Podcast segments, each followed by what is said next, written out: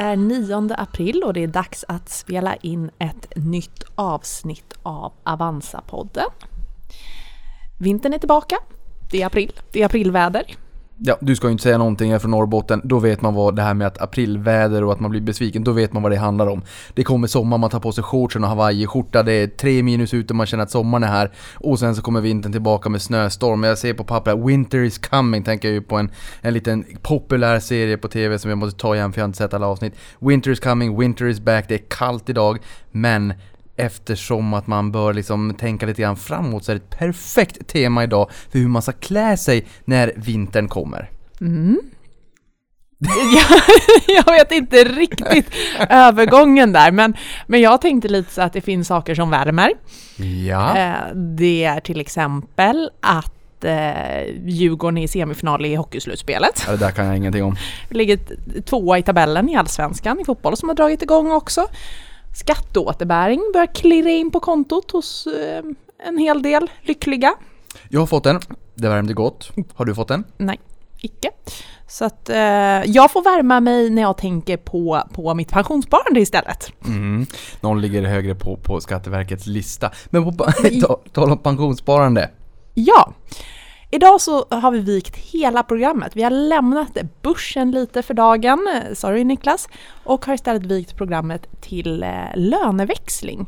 Det här med att man avstår en del av sin lön idag för att få en bättre pension i framtiden. Och det finns massa frågor och massa saker att hålla reda på här. Så att eh, för att få liksom allting rätt så har vi bjudit in vår kollega Alexander Matteo från Avanza Pension som ska lära oss allting om löneväxling, när det är en bra idé och när det är en eh, mindre bra idé helt enkelt. Så välkommen hit Alexander! Tack så mycket! På ordningen här, Winter's coming, men någon gång kommer ju pensionen och är det så att man har sparat så, så då kommer det ju varma alldeles gott och det här med löneväxling är ju ett sätt att faktiskt tänka lite grann på sin eh, pensionsavsättning och pensionssparande och det ska vi prata om idag.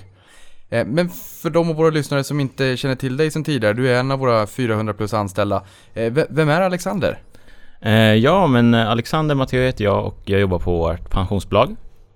Och jag har jobbat på Avanza i lite över sex år nu. Och jag började faktiskt på Sparcoacherna en gång i tiden. Mm. Vår kundservice. Ja, alltså. precis, precis. Ehm, och jag började också där att eh, ringa till våra kunder och eh, hälsa dem välkomna som vi gjorde då när vi var lite mindre kunder än vi var i, idag helt enkelt. När det inte var 870 000 kunder. Precis, precis. Och sen så fick jag upp ögonen för pensionsbolaget eh, 2014 då de behövde mer säljare helt enkelt. Eh, och det är det jag gör idag fortfarande. Men kommer du in på Avanza på ett bananskal? Alltså jag tänker så här, sparande och investeringar och pension och allting. Det är ju roligt. Eh, alltså, vi tycker kanske att det är roligt. Hela Sverige tycker väl inte att det är lika roligt. Men alltså, kom du in på ett bananskal i den här branschen eller har du känt att det fanns ett, ett, en lockelse och ett kall till, till ekonomi? Ja men det var faktiskt min mormor som började med eh, att spara i fonder till mig. I eh, allemansfonderna. Ja. Eh, och, like. och sen så när jag eh, fick hade mitt förra jobb så var det en kollega till mig där som rekommenderade Avanza. Så jag var redan faktiskt kund hos Avanza två, tre år innan jag började här. Mm. Så det var där jag fick in eh, en fot här då. Eh, och sen dess har jag varit kvar här och tycker det är jättekul fortfarande. Kul att höra. Men då har ju du varit, eh, att börja på kundservice eller som sparcoach, då får man ju en jättebra inblick i liksom egentligen alla frågor på Avanza och sen har du specialiserat dig så nu är du som ett levande lexikon vad gäller pension. Ja. Vilket vi ska ta tag i nu. För att det är väldigt många frågor kring det helt enkelt. Men vi, vi ska ju prata löneväxling idag så vi kan väl liksom börja i den ändan. Vad är egentligen löneväxling? Nej, men löneväxling det är att man eh, avstår en viss del av sin lön för att få det i pension.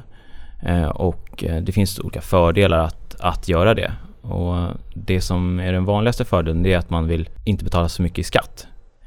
Och eh, man betalar 50% i inkomstskatt på lönedelar över eh, 8,07 som är brytpunkten då. Och i kronor och ören så är det eh, 43 310 kronor. Så över 43 000, vad sa du? 310 kronor. Så kickar marginalskatten in om man betalar, eller statlig skatt in om ja. man betalar typ 50% i skatt. Ja, Typ. Så en 50 ören kvar på varje krona lön. Mm. Ja. Så om man tar bort lönedelar över det så slipper man den här höga skatten. Precis. Så det man ska ha kvar i lönekuvertet efter man har gjort löneväxlingen är då 43 310. Mm. Så det är väldigt viktigt att komma ihåg det. Och varför man ska ha den nivån det är för där slutar då allmän pension, sjukpenning och föräldrapenning och, alla, och andra sociala försäkringar. Så då slutar den- ersättningen. Som man då får extra liksom för varje krona mer man tjänar upp till ungefär 43-44 tusen. Precis. Så får man mer insatt i allmän pension och man får en bättre sjukförsäkring och allt det där. Ja, Men där någonstans tar det stopp. Det spelar ingen roll om du tjänar 50 eller 44 tusen. Du får samma fördelar helt enkelt. Precis, och då om man har den ekonomin så kan man då istället avstå den eh, summan då och få det i pension istället. Mm. Och den andra delen är ju också att man får då 6% i påslag. För det är billigare för företaget att sätta av tjänstepension eller pensionsavsättningar då än att betala ut det i lön. Eh, Kan- 6% i påslag. Kan du utveckla det där? Det är skillnaden mellan sociala avgifter och löneskatt. Det blir ungefär 6% och så det- det, det lägger bolaget på då på, på summan som du löneväxlar. Det är billigare egentligen för bolaget att göra en pensionsavsättning än att betala lön. Ja, men man gör det kostnadsneutralt då eh, genom att man lägger på de här 6 procenten. så varken företaget tjänar på det eller den anställde förlorar någonting på det. Okej, så jag får mer avsättning. Ja, enkelt. För här tänker jag så här att om man då har marginalskatt och sen så kommer man upp till de här nivåerna som du pratar om.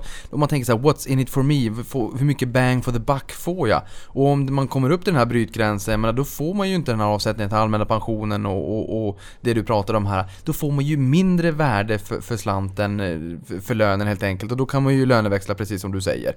Så att varför finns det Finns det något som talar emot att löneväxla förutom att man får lite mindre pengar i lönekuvertet varje månad? det är att det är, man får tänka efter på sin, eh, alltså sin eh, privatekonomi. Klarar jag av det här just nu? Och många, många har ju en, en, en förutfattad, förutfattad mening att, att sätter jag upp en löneväxling så är jag bunden till det. Det är du inte, utan du kan ju när som helst stoppa den, sänka beloppet, höja beloppet eller pausa det. Det är upp till din arbetsgivare att, att, att du har en dialog med dem och säger men nu vill jag börja med 1000 kronor och om ett halvår så kanske jag höjer upp det till 2000 och sen stänger av efter ett tag. Men mm, om vi återgår till de här summorna lite. Mm. Vad, vad liksom innebär det? Säg att, att det är en person som tjänar... Ja, men för du tog ett bra exempel med 10 000 kronor här innan. Eller, 1000 brukar jag ta, det är lättast. Ja. om jag vill löneväxla 1000 kronor Mm. Hotshot Johanna. Jo, jo. så innebär det alltså antingen får jag ut 1000 kronor i lön och betalar 50% i inkomstskatt på det. Mm. Eller så får jag en insättning på 1060 kronor Precis. och betalar ingen inkomstskatt på det just nu Nej. utan låter det ligga kvar i min pensionsförsäkring, växa vidare, investera det och så betalar jag, eller får jag betala inkomstskatt den dagen jag går i pension och tar ut de här pengarna. Exakt.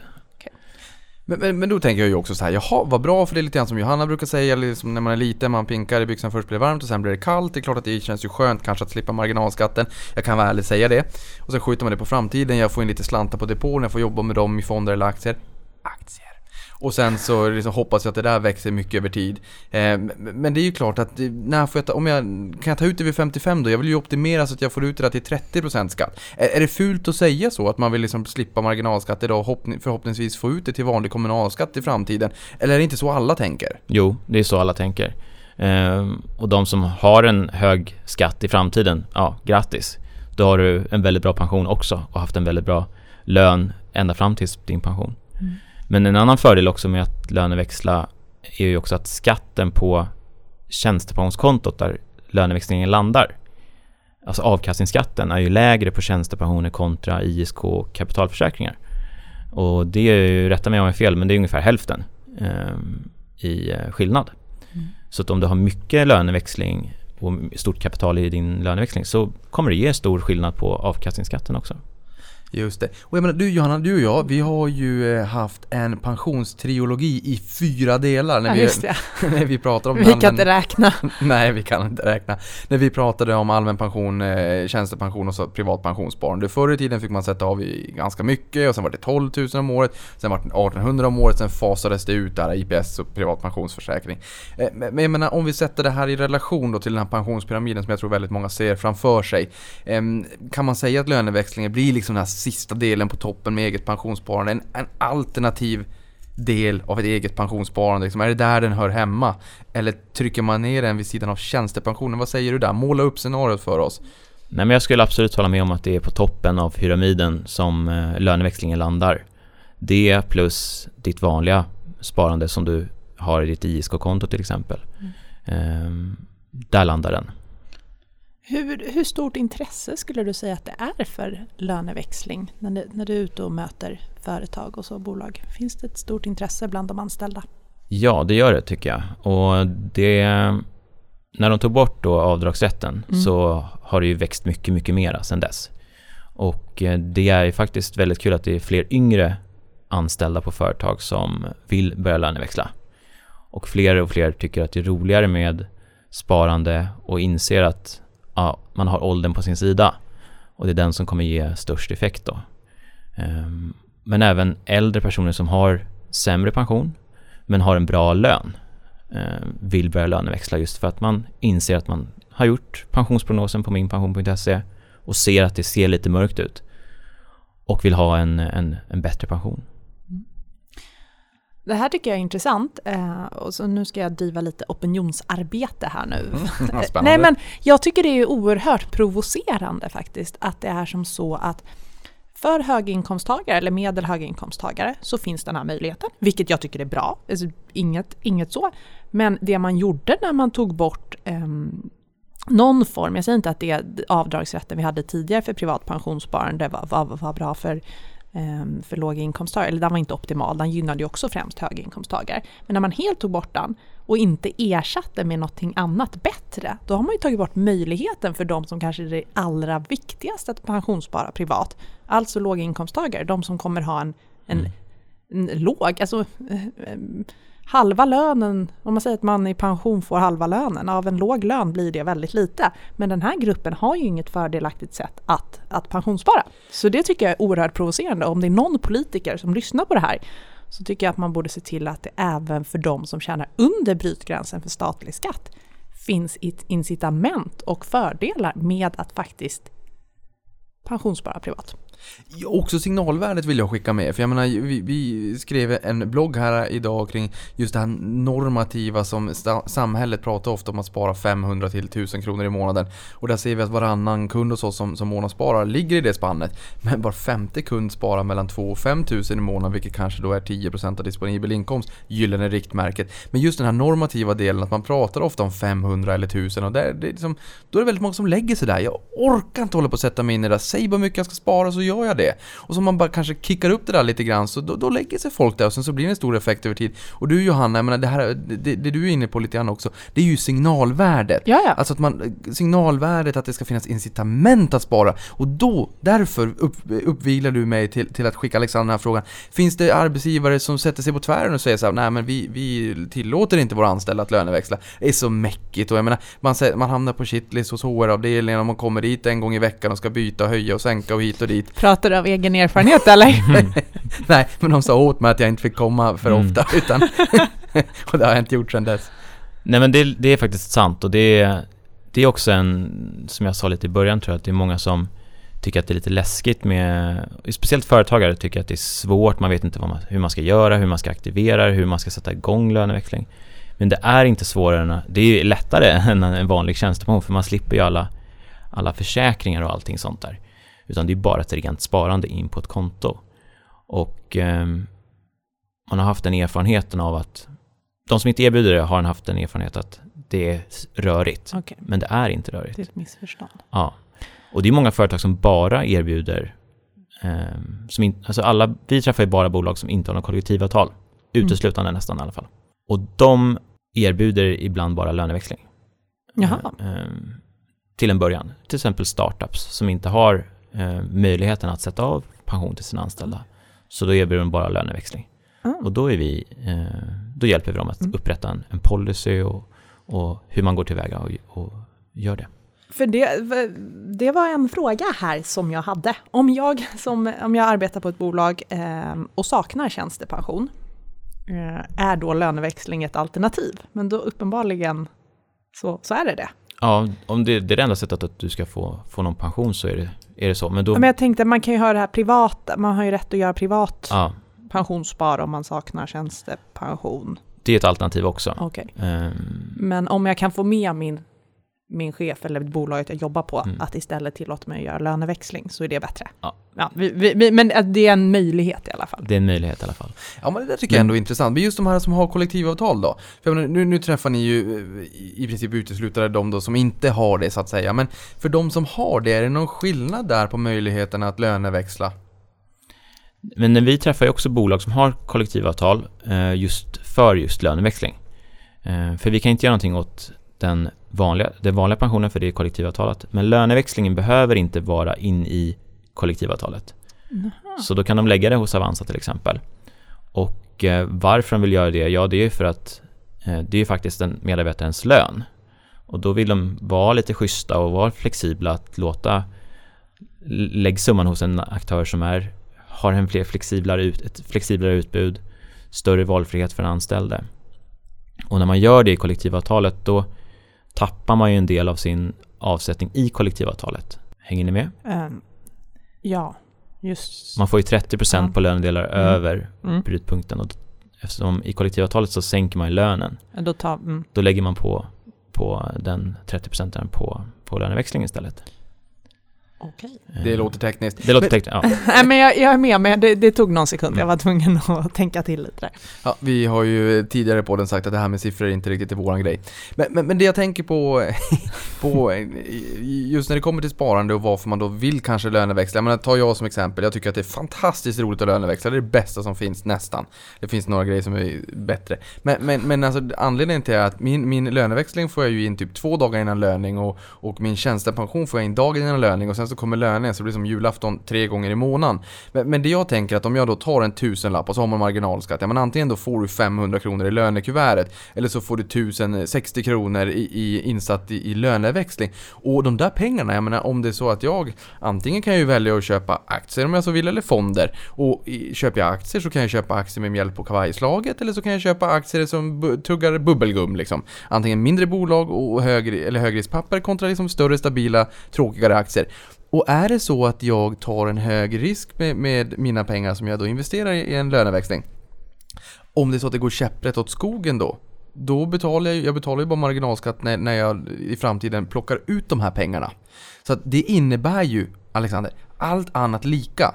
Att jag har råd att ta lite högre risk i min löneväxling kontra om jag sätter in egna pengar från lönekuvertet. Förstår du hur jag menar? Man får ju en liten peng gratis för att skatten betalar du bara om det blir någon, ett, en fin peng i slutändan. Ja, absolut. Ja, men det, det håller jag med om. Och du får ju de här 6 procenten. Det är det som är...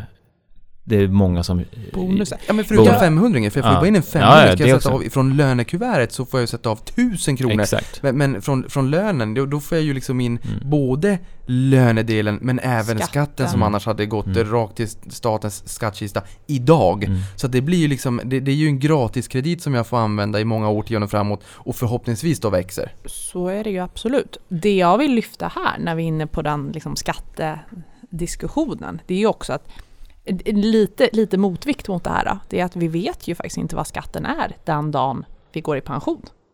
Nej. alltså hur, nej. vi- vilka skattenivåer vi har då. Det kan ju vara Mm. högre marginalskatt då än idag. Exakt. Så jag menar, det finns ju en viss osäkerhet Mm. här i att vi, inte, vi faktiskt inte vet vad brytpunkter och marginalskatter och vilket skattesystem vi har och så då. Vad är det för frågor du får där? När man är lite, om man är lite orolig att man inte liksom vet riktigt förutsättningarna i, om några årtionden. Ja, det är, det är en vanlig fråga det där, absolut. Men då får man vända på det lite tillbaka. Du vet ju inte vilken skatt det kommer att vara på lön heller i framtiden.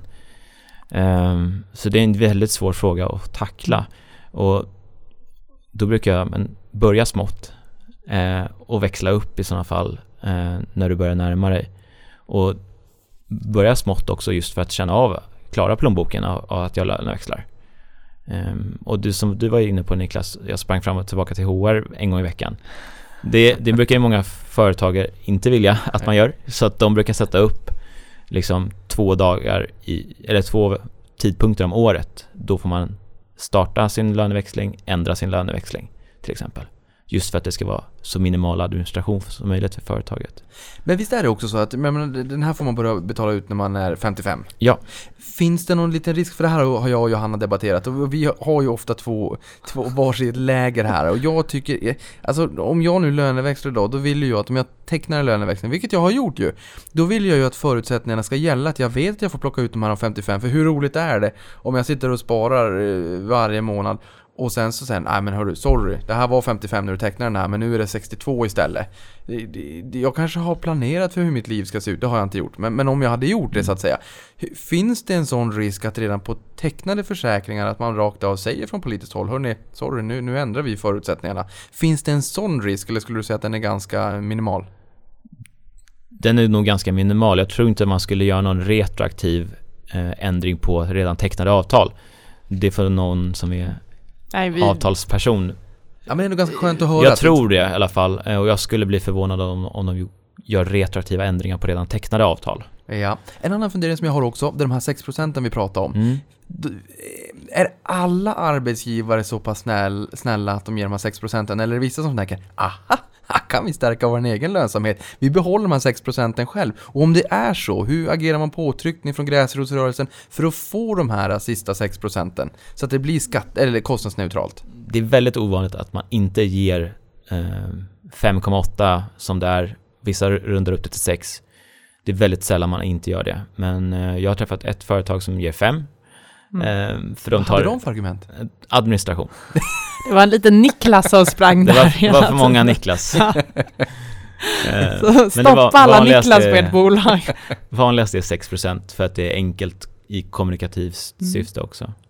Du, ja, du var inne på det här att börja lite smått och så kan man justera och man har också möjlighet att ångra sig. Det är liksom inte ett lifelong commitment utan du kan löneväxla nu och sen eh, stoppa det när, när livet AB eh, säger någonting annat. Eh, men finns det något maxtak? Om man, om man nu liksom känner att det här var verkligen min grej och jag, jag kan löneväxla hur mycket som helst i princip. Finns det något maxtak hur mycket man får? Ja, det som är avdragsgillt för företaget är ju 35% av den anställdes bruttolön. Okay. Eh, så då om du får vanlig tjänstepension från bolaget så är det den summan plus den summan som du löneväxlar som får maximalt eh, vara 35% för att bolaget ska få, avdrags, eh, få avdrag på det. Och det här visste ju inte jag, för det här gav mig en klump i magen. För jag insåg, ah, 35% av lönen, wow! Det här blir supermycket, eller ja, det blir, det blir en slant in varje månad som man kan sätta i arbete. Men, men det här är ju en jättebra poäng, just att man måste dra bort den tjänstepensionen som man förhoppningsvis då får, alltså 4,5% av inkomsten upp till den här brytnivån mm. då. 7,5 inkomstbasbelopp, eller 8,07 sa du där tidigare. 8,07 är brytpunkten för alltså löneväxlingen. Och 7,5 det, det är så den här formen. Ja, och därutöver är det 30%. Så Exakt. den måste man alltså räkna bort från totalutrymmet. Eh, och det är ju faktiskt ett viktigt medskick, för det vet inte jag riktigt om alla är med på. När kan det vara så att man säger att jag vill löneväxla och att löneväxlingen påverkar avsättningen från tjänstepensionen i kronor och ören så att du genom din löneväxling minskar din tjänstepension från arbetsgivaren? Det gör den inte. Det gör den inte? Nej, ja, eftersom, för man, um, man uh, sänker inte den pensionsgrundande lönen, utan man sänker bara uh, den faktiska utbetalda, utbetalda lönen. Okay. Um, förutom i kollektivavtalet där man då sänker den kontanta bruttobetalda utlönen, för de, de har speciella regler. Alltså, det, mm. finns en anledning till att man Men som, säger... om vi tar oss här då på Avanza ja. så, så sänker man bara den lönen i vårt pensionssystem. inte den, eh, eller förlåt, tvärtom. Okej, Mm. i, i lön... mm. Ja. Men, men alltså, jag, jag måste nästan backa, för du vet, man vill ju inte hamna på den där shitlisten då. Men jag kommer ju ihåg att Britt, hon, hon jobbar ju hos oss på HR-avdelningen. Och jag har ju varit där och jag har ju faktiskt skruvat upp lite grann eh, när, när, man fick den årliga löneförhöjningen. Eh, och och då funderar jag ju självfallet på att om det nu är så att man får lite löneförhöjning varje år, det är ju trevligt. Eh, och då eh, höjs ju sådana här brytnivåer och sådär också. Indexeras tjänste, eller löneväxlingen upp. Det gjorde inte min. Men, men kan, kan det vara så att man säger att löneväxlingen ska eh, vad heter det, indexeras upp så att säga med, med att brytgränser höjs? Eller måste man komma minst en gång om året och säga att ja, men du får öka upp det här någon hundralapp eller vad det kan vara? I vanligaste fall så behöver man faktiskt säga till sin eh, administratör eller på, på, löne, på, lönest, på löneavdelningen att höja upp eh, sparandet. För det finns de som en gång i tiden löneväxlade en tusenlapp som låg på gränsen Ja, med sin lön och har inte höjt upp den. lönen alltså. Precis, har höjt, varken höjt lönen eller höjt löneväxlingen eller tagit bort löneväxlingen. Som idag då löneväxlar fast de har en lön under brytpunkten. Och det är ju inte bra.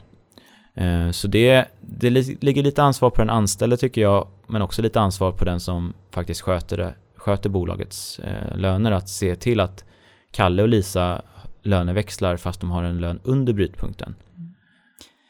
Brytpunkten idag var då alltså 43 310 kronor. Ja, Tycker du att det finns någon anledning att kanske ha lite säkerhetsmarginal där? Så att om man säger att man tjänar 44 310 kronor, att man kanske inte löneväxlar en tusenlapp så att man ligger exakt på.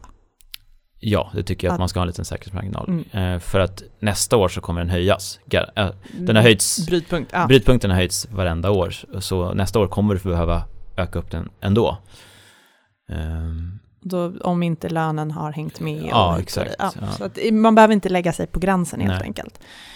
Niklas, jag vet för övrigt varför jag inte löneväxlar. Ja, du, det ska du få berätta, för det finns ingen anledning till varför du inte gör det. Nej, för, det är på för dig. att du har tagit alla tider hos Britt. Så att jag kände så här, med tanke på hur mycket du springer där, så måste, ska- får inte jag göra det. Jag tycker det är så jädrans trevligt att löneväxla. Men du med Kalle och Lisa som du pratar om. Mm. Jag menar, det är ju så här att alla inte vaknar upp på morgonen och känner att sparande är Guds gåva till mänskligheten och ekonomi är det roligaste som finns. Det har vi pratat om tidigare Johanna.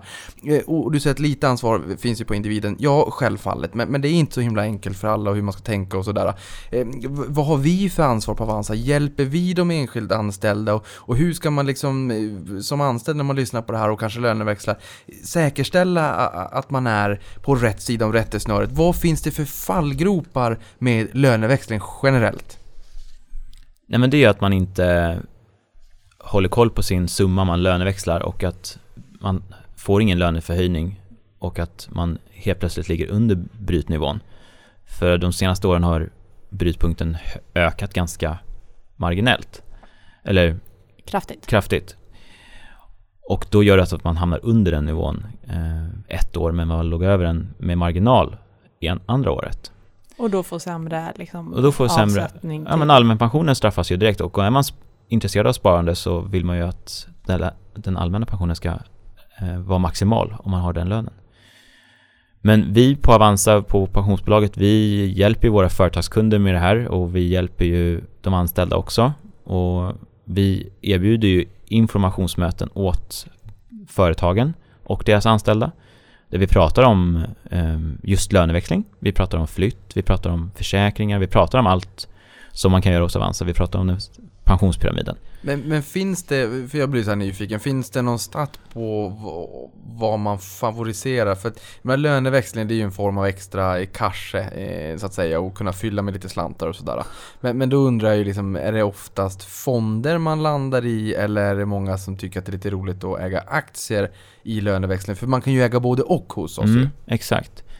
Och de som, det man ser är att de som löneväxlar större summor tenderar att vara lite mera intresserade av sparande generellt. Ja. Och då, Kul. de vill ju då oftast, de har oftast en väldigt bra plan också. Hur de ska, de öppnar upp ett nytt konto med en viss utbetalningsålder, utbetalningstid. De har en plan på vad de ska göra. De kanske har, de fyller 50, ska skaffa hus i Portugal och de har satt upp en en, en plan helt enkelt för... Där, ja. Ja, ja, nu, ja men vi, vi får väl skratta lite åt det där för vi förstår det där med Portugal och att man klipper snöret från Sverige och liksom man slipper skatta överhuvudtaget i Sverige. Jag menar, det är ju faktiskt så här att vi har en icke nämnd storbank i Sverige som när man går i pension så finns det ett litet incitamentsprogram och, och då ingår ett möte med hur, hur man gör för att flytta till exempelvis då Portugal. Men just det här med att flytta till Portugal och slippa betala inkomstskatt i Sverige, det är ju lite mera, det är inte så enkelt kanske som man tror. Det, det, man måste verkligen klippa banden till Sverige Mm. rätt ordentligt som jag har förstått. Men Mm.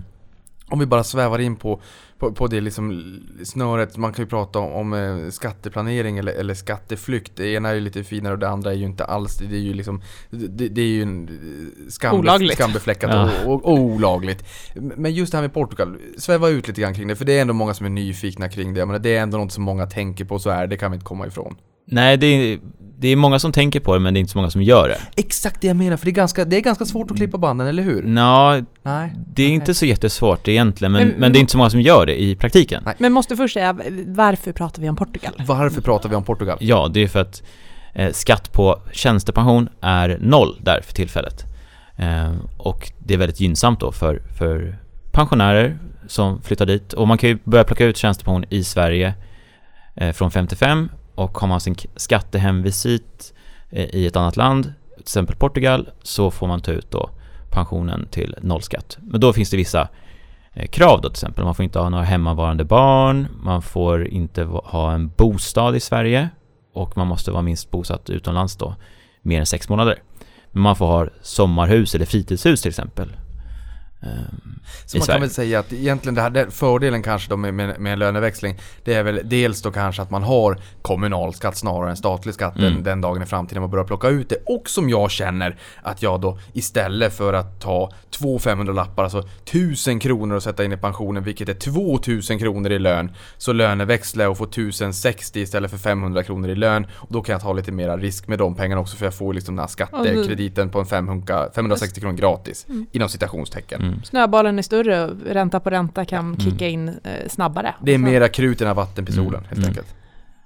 Men en annan risk som jag ser också, det som vi pratade om lite med mina kollegor, eh, det är att om fler och fler skulle börja löneväxla, så Mm. att alla, om vi säger så, alla som har en lön över brytpunkten börjar löneväxla, då försvinner ju väldigt mycket skattekronor till, till eh, staten.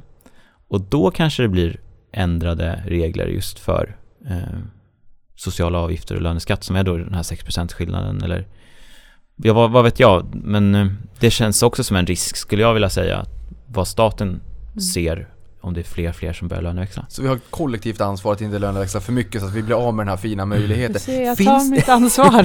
Finns det sådana politiska vindar att man, att man ser över möjligheten att löneväxla? För då känner jag ju att lyssnaren till det här, då känner man ju att det finns någon form av urgency också, att man vill försöka lösa det här så fort som möjligt. Nej, men finns det, det, sådana vindar? Nej, det var ju lite frågor som vi såg på Twitter att det var folk som funderade om det. Vad, vad, gör, vad har staten för plan? Eh, vad finns det för eh, vad finns det för framtidsutsikter för, för just löneväxling och pension då? Eh, och inlåsningen, höjer de pensionsåldern? Eller lägsta uttagsåldern, höjs den till 60, 65 kanske? Då blir det då blir det inte lika roligt kanske att löneväxla när man är 30. Men inte för mig som redan har tecknat den. Nej, jag skulle misstänka det. Det är bra. Det, det är bra. Ja, men sammantaget kan man väl säga att det finns eh, en massa fördelar med att ehm, löneväxla om man tjänar över brytpunkten. Om man, eh, rent ekonomiskt är det förmodligen eh, gynnsamt. Nu vet vi inte vad skatterna i framtiden är, men om man liksom gör ett litet antagande, man ändå får en ganska, ja, mer krut i pistolen eller vad det var du kallade det. Jag, insåg, jag insåg att det lät väldigt dumt. Men jag tänkte mera tryck i vattenpistolen. Man ska inte prata om pistoler och sånt där. Det är ju otrevligt. Något annat man kanske ska tänka på det är ju att en av de största utgifterna, jag, jag tror att folk tänker på det här, men, men det, det är såklart att om man säger att man ska gå till banken, ta ett lån, man ska köpa ett hus, då är det ju ens inkomst som räknas, vad jag faktiskt får ut cash i månaden. Då hjälper det inte med att jag säger, ja men jag har ju en löneväxling. Det är ju inte någon likvida medel som banken ser att jag betalar mitt lån med just nu. Men som du sa, då kan man ju alltid stoppa löneväxlingen. Exakt. om det är så att det liksom står och hänger på ens inkomst för att få den storleken på lånet man vill ha eller så. Men man får ju vara medveten om att det påverkar liksom ens disponibla inkomst idag. Mm. Ja, och, och några hjärtefrågor som vi har. Johanna, du har hjärtefrågor när det kommer till fonder. Du brukar säga med tumreglerna. Eh, 0,4% i avgift kanske för en indexfond och vad brukar säga 1,4% för aktivt förvaltade fonder. Ja, däromkring. Däromkring. Eh, någonting annat som vi tycker är viktigt är ju avgiftsstrukturen och skalavgifter och allt sånt där som fräter upp eh, kapital som, som man verkligen måste tänka på men som kanske är svårt att kunna ta till sig ibland. V vad finns det för snårigheter, avgiftsstrukturer och annat som du känner är viktigt för våra lyssnare att hålla koll på och se upp för om man kommer till en, en, eh, en rådgivare och allting låter bra? Vad är det viktigaste att ha koll på så att man inte gör något snedsteg som, som löneväxlare?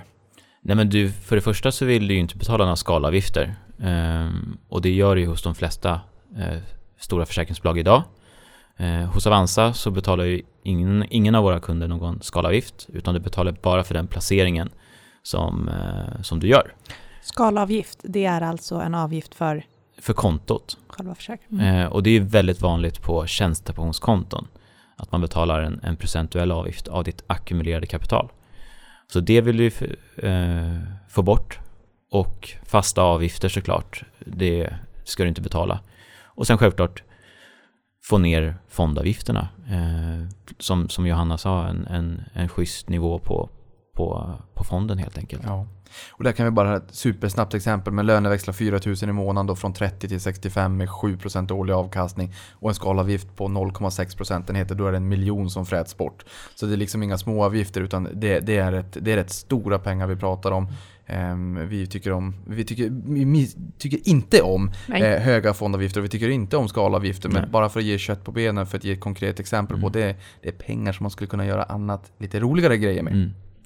Och det är, det är en av de absolut vanligaste punkterna som vi tar upp när vi träffar våra företagskunder. Det är ju vårt fina erbjudande med noll i kapitalavgifter, fasta avgifter mot våra konkurrenter och hur, hur, deras avgiftsstruktur ser ut.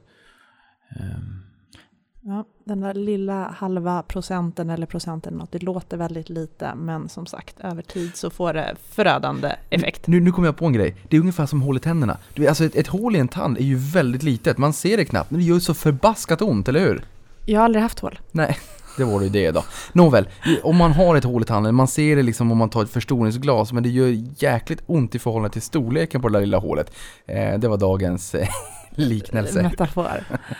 Tack. Men nu känns det som vi har bra koll på det här med, med löneväxling. Men vi slängde ut en fråga på Twitter innan du skulle komma och det var verkligen superintresse kring det här avsnittet. Jag tror att det är många som går och funderar på om man ska löneväxla eller inte. Så vi tänkte dra några Twitterfrågor också. Mm. Eh, och då har vi en här från Framtidsfeministen. Hon frågar så här, vad händer med det löneväxlade Eh, i en eventuell bodelning? Och går det att löneväxla åt sin make, eh, maka, make, sambo? Mm. När det gäller då tjänstepension och löneväxling så ingår det inte i en bodelning. För det är faktiskt företaget som har satt av pengarna, även fast du har avsatt din egna lön. Men det är företaget som har satt av det. Men det finns vissa så här undantag, till exempel eh, är det om den anställde har ett betydande inflytande över pensions pensionslösningen kan värdet av försäkringen ingå i en bodelning. Vad skulle det till exempel kunna vara? Man Till exempel om jag har ett aktiebolag, jag är ensam i det och eh, sen har jag en partner och eh, så sätter jag väldigt, väldigt mycket pengar i min tjänstepension. Mer än 35% för jag struntar i avdragsrätten för mitt bolag. Och sen skiljer jag mig. Då finns det betydande eh, inflytande över den pensionen. Jag tömmer mitt aktiebolag på pengar. För det skulle ju då kunna vara så att man gör det just för att inte få med de pengarna i Precis, bodelningen. precis. Men det är, ett- det är ett undantagsfall för sådana. Men en vanlig anställd på ett vanligt bolag, har ing, då går ingår den inte i en bodelning. Okej. Vi hade också en fråga från Stefan Telenius här på Twitter. Han har för övrigt gästat podden och pratat försäkringar. Lyssna på det avsnittet om ni inte har gjort det. Han frågar så här, han testar dig lite. Känner han till tricket att återköpa små fribrev för att sedan löneväxla motsvarande?